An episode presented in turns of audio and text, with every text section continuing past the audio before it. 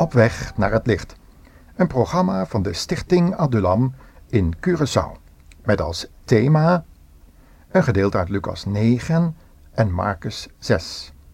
Rust buiten de legerplaats.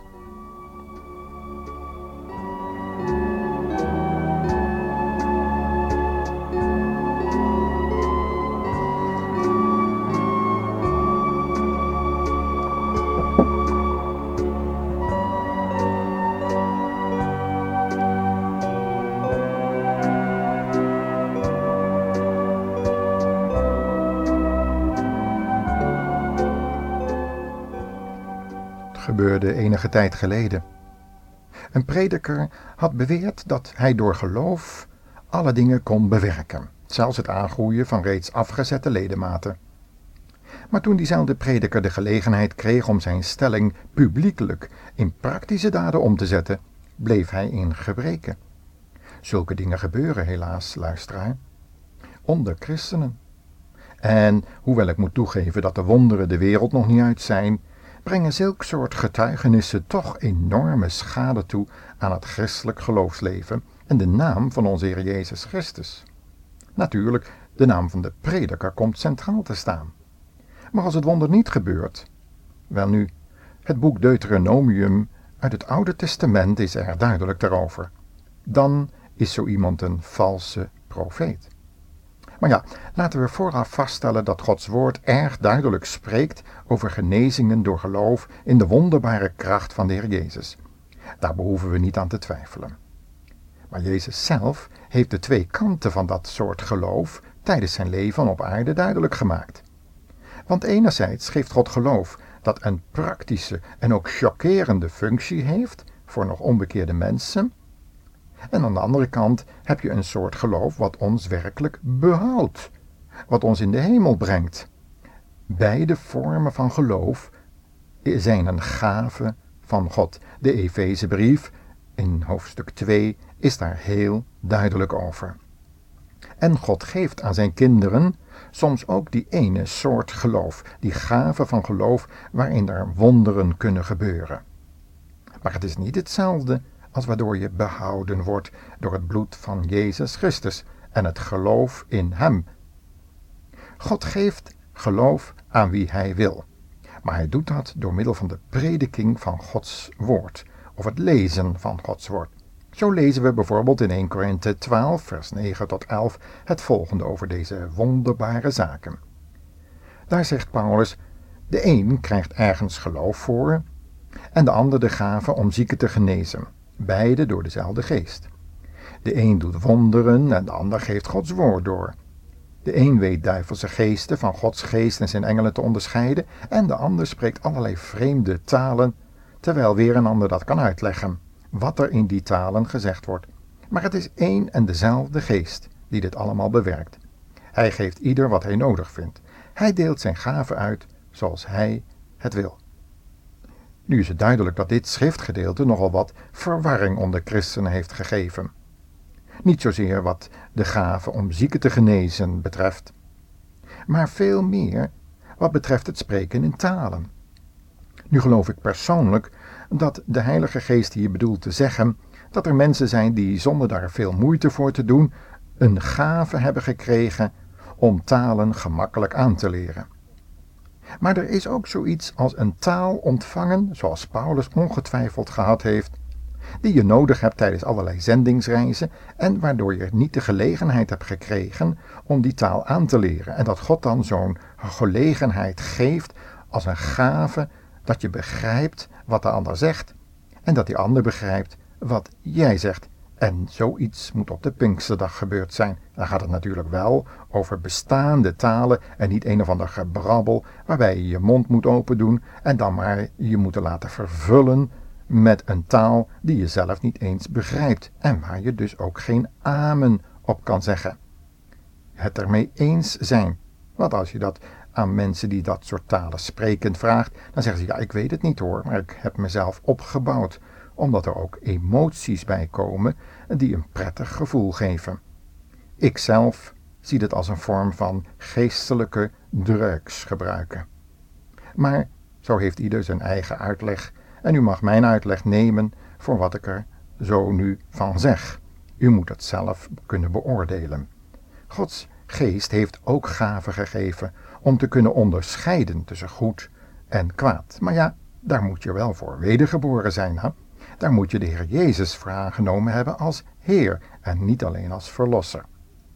Maar hoe belangrijk deze door ons gelezen schriftgegevens zijn voor onze tijd, blijkt wel uit die vele misvattingen die er dus over dit schriftgedeelte onder christenen de ronde doen. En de schadelijke gevolgen komen we dagelijks in het pastoraat tegen. We horen van wonderdoeners die in de naam van Jezus allerlei wonderen en tekenen doen, naar eigen believen zoals ze zeggen, en wanneer zij dat willen. En dat is nou precies in een tegenstelling met wat we in de Bijbel lezen.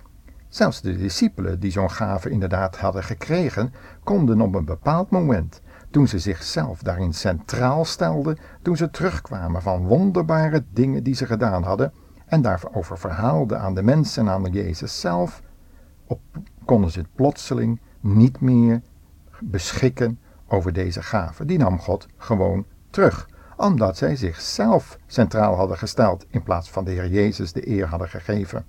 En hoe vaak zien we dat niet gebeuren onder christenen? Dat je meer hoort over de wonderdoener zelf dan over die kostbare naam van de Heere Jezus Christus. Je hoort altijd over Jezus spreken, maar nooit over de Heer Jezus.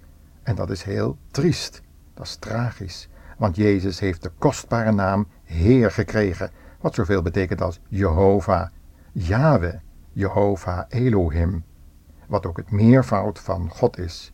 Want Jezus is God, geopenbaard in het vlees. Vandaar dat hij ook die naam Jehovah claimt, waardoor hij dan ook gekruisigd werd, omdat hij blasfemie deed, zich aan God en zijn vader gelijkstelde. En zo horen we ook allerlei verhalen over wonderbare visioenen die christenen zouden hebben gehad over het paradijs en de hemel en allerlei ontmoetingen met mensen die reeds lang gestorven zijn. In voorgaande programma's hebben we daar ook apart aandacht aan besteed. Met name over de lezingen die er gehouden zijn op een universiteit in de Antillen over leven na de dood. Wanneer de luisteraar daar belangstelling voor heeft, kan hij deze bij de Stichting Adulam, postbus 3504, bestellen. Al die ervaringen brengen echter veel verwarring onder christenen. En dat is ook wel begrijpelijk. Want in de schrift zelf wordt dan ook gesproken over een misverstaan en een verdraaien van Jezus' woorden en bedoelingen. Daarom hebben we ook erg veel waakzaamheid nodig. De geest van God deelt echter uit aan wie hij wil, wanneer hij wil en hoe lang hij wil. Daar hebben wij geen enkele beschikking over. Er is geen sprake van een soort beschikken over de gaven die God uitdeelt, zoals sommige christenen beweren. We lezen namelijk in Lucas 9 en 10 het volgende.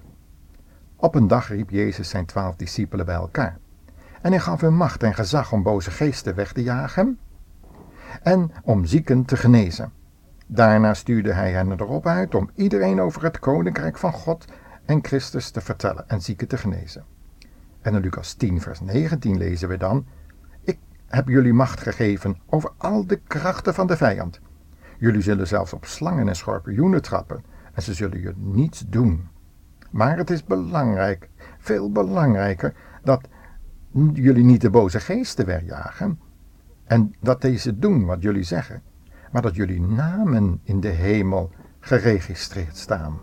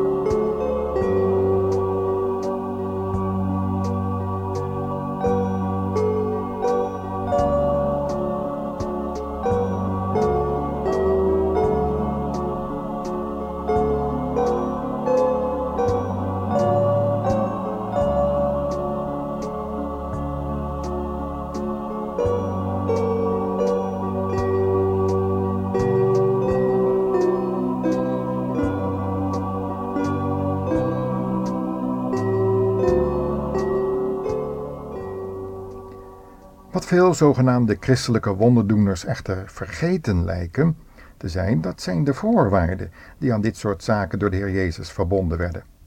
Namelijk dat de discipelen geen geld mochten meenemen op hun reizen, geen tas, geen extra schoenen en dat ze zich moesten gedragen als lammeren te midden van de wolven.